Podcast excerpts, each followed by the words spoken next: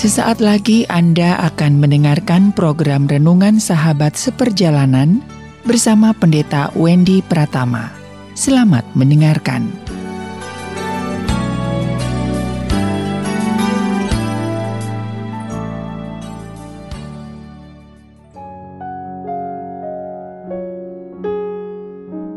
Selamat berjumpa kembali di dalam layanan audio Sahabat Seperjalanan. Hari ini adalah hari Senin 21 Maret 2022. Tema renungan dan saat teduh kita dengan judul Percayakah nasib hidup? Percayakah nasib hidup? Firman Tuhan terambil dalam Yakobus 1 ayat yang ke-17. Demikian bunyi firman Tuhan. Setiap pemberian yang baik dan setiap anugerah yang sempurna datangnya dari atas diturunkan dari Bapa segala terang, padanya tidak ada perubahan atau bayangan karena pertukaran. Mari kita berdoa. Bapa yang di dalam sorga ada banyak hal dalam kehidupan kami tatkala kami mengalami keuntungan, mengalami kerugian dan kami mengatakan itu nasib hidup sehingga kami tidak punya kendali, kami tidak punya kuasa, kami tidak punya pilihan untuk menjadi baik ataupun menjadi buruk dikarenakan nasib hidup. Biarlah kami boleh dibukakan kebenaran firman Tuhan berbicara tentang nasib. Dalam nama Tuhan Yesus kami berdoa. Amin. Shalom sahabat seperjalanan yang dikasih Tuhan Kalau berbicara tentang nasib maka penjelasannya adalah Nasib adalah sesuatu yang sudah ditentukan, tidak bisa diubah, tidak bisa digeser, tidak bisa diganti. Kita terima, tidak terima, itu akan terjadi ke dalam hidup kita. Maka itu adalah pengertian nasib. Sehingga manusia tidak punya daya. Kalau orang sudah ditentukan nasibnya kaya, dia akan jadi kaya. Kalau nasibnya miskin, sampai mati pun dia tetap miskin. Kalau dia sudah ditentukan menjadi orang yang pandai, dia akan pandai sekalipun mungkin tidak belajar. Apakah seperti demikian? Kalau dia sudah ditentukan rumah tangganya itu rumah tangga yang baik-baik, maka akan baik-baik. Namun mengolah rumah tangga tidak baik, apa kemudian kita mengatakan itu adalah nasib? Sahabat seperjalanan, yang kita harus tahu bahwa nasib sering kali dikategorikan kepada peristiwa yang buruk. Kecelakaan, penipuan, kehilangan, meninggal, musibah. Lalu kita anggap itu sebagai nasib. Sesuatu yang sudah ditentukan tanpa daya daripada diri kita sendiri. Sahabat seperjalanan, Alkitab mencatat dalam Yakobus 1 ayat yang ke-17 setiap pemberian yang baik dan setiap anugerah yang sempurna datangnya dari atas. Apa yang datang dari atas? Yaitu pemberian yang baik dan anugerah yang sempurna. Jadi di dalam rancangan Allah, ketentuan Allah, Allah sudah menentukan kalau kita sebut sebagai sesuatu yang nasib, ketentuan itu bukan nasib, tapi Allah sudah menentukan memberikan semua yang baik dan juga anugerah yang sempurna datangnya dari atas. Tuhan tidak pernah merancangkan musibah. Tuhan tidak pernah merancangkan bahkan kematian. Tuhan tidak pernah merancangkan sakit penyakit. Tuhan tidak merancangkan kecelakaan. Tuhan tidak merancangkan dosa di mana manusia yang setelah jatuh dalam dosa, maka itulah nasib-nasib buruk yang terjadi yang disebabkan oleh manusia juga. Karena keserakahan manusia bisa memiskinkan orang lain. Karena kebenci dan dendam manusia bisa membunuh orang lain. Karena tidak suka, maka dia bisa menggosip dan merusak nama baik orang lain. Karena hawa nafsu, dia bisa merampas istri orang lain, harta orang lain, kehormatan orang lain, dan segala sesuatunya. Itu yang kemudian menyebabkan segala hal buruk terjadi dalam dunia ini. Siapa pelakunya?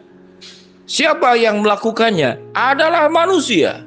Jadi Allah sudah merancang sesuatu yang baik ditentukan oleh Allah, pemberian baik dan anugerah yang sempurna itu datangnya dari atas. Diturunkan dari Bapa segala terang, padanya tidak ada perubahan, tidak ada bayangan dan tidak ada pertukaran. Apa yang firman Tuhan katakan? Pada Tuhan tidak ada bayangan, tidak ada perubahan, tidak ada pertukaran.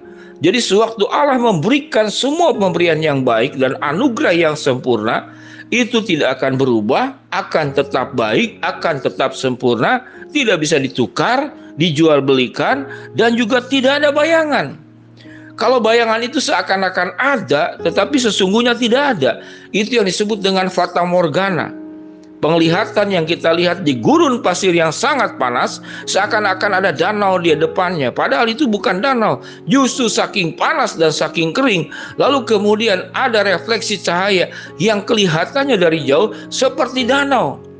Allah memberikan yang baik bukan fata morgana, dan Allah memberikan yang baik tidak pernah ditukar-tukar dan Allah memberikan yang baik tidak pernah dirubah-rubah yang baik dan yang sempurna berasal dari Allah Bapa daripada segala terang. Sahabat seperjalanan yang dikasih Tuhan. Jadi Allah tidak pernah memberikan sebuah nasib yang buruk dalam hidup kita. Jadi ada yang mengatakan percayakan nasib hidup tidak.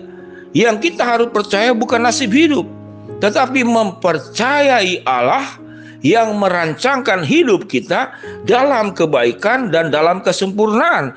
Lalu dari mana hal-hal yang buruk itu terjadi? Yaitu dari dosa. Dari dosa. Allah merancangkan kehidupan manusia yang memilih kematian. Allah merancangkan kekudusan manusia yang memilih dosa. Allah meminta kita taat kepada Dia, manusia yang dengar suara setan. Allah memberitakan sewaktu engkau berumah tangga, jaga rumah tangga baik-baik. Manusia sendiri yang menghancurkan. Jadi kerusakan-kerusakan nasib termasuk alam semesta ini menjadi rusak, hutan rusak, sungai tercemar, laut kemudian menjadi kotor adalah ulah dan perbuatan manusia. Jadi manusia inilah yang menciptakan segala sesuatu yang buruk dan kita sebut itu sebagai nasib. Allah merancangkan kehidupan dalam tokoh di dalam Alkitab ada tujuh tokoh yang kemudian mati bunuh diri. Yang pertama Abimelek, salah satu raja dari salah satu hakim dari tujuh hakim Israel. Ada Simpson karena keberdosaannya. Dia lebih taat kepada wanita daripada taat kepada Tuhan. Dia mati di dalam gedung yang diruntuhkannya sendiri. Ada Saul, pria tampan yang diberkati oleh Tuhan yang diangkat oleh Tuhan, tapi kemudian dia bunuh diri menjatuhkan badannya sendiri kepada pedang yang dibawanya.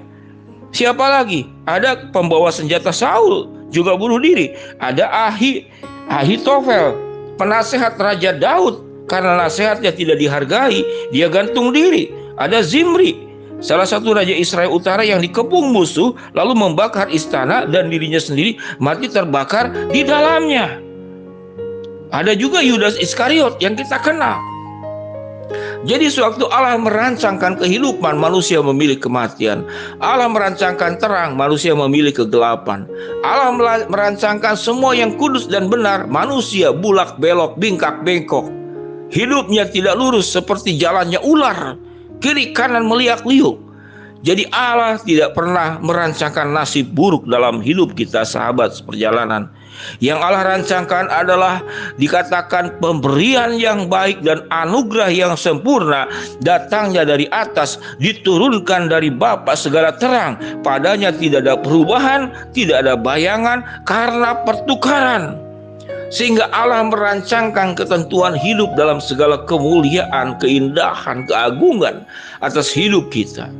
Jadi oleh sebab itu engkau harus mempercayai Allah agar kehidupan kita menjadi baik, kehidupan kita menjadi benar, kehidupan kita menjadi diberkati dan kehidupan kita selalu ada dalam terang Tuhan dan selalu dianugerahi dan dipenuhi oleh pemberian yang baik dan anugerah yang sempurna dari Allah.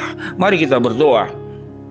Bapa yang di dalam surga biarlah lewat firman Tuhan yang kami pelajari kami tidak mempercayai tentang nasib hidup tetapi kami mempercayai hidup kami dikendalikan ditolong dan ditentukan oleh Tuhan dan kami berbagian mengerjakan dengan hal-hal yang benar. Hambamu berdoa buat sahabat seperjalanan yang sakit Tuhan jamah sembuhkan. Yang sedang menghadapi masalah Tuhan bukakan jalan. Yang sedang berdoa mengharapkan sesuatu kepada Tuhan Tuhan akan kabulkan dengan cara dan waktumu dalam nama Tuhan Yesus kami berdoa. Amin. Shalom sahabat seperjalanan yang dikasih Tuhan. Tuhan memberkati kita semua. Amin.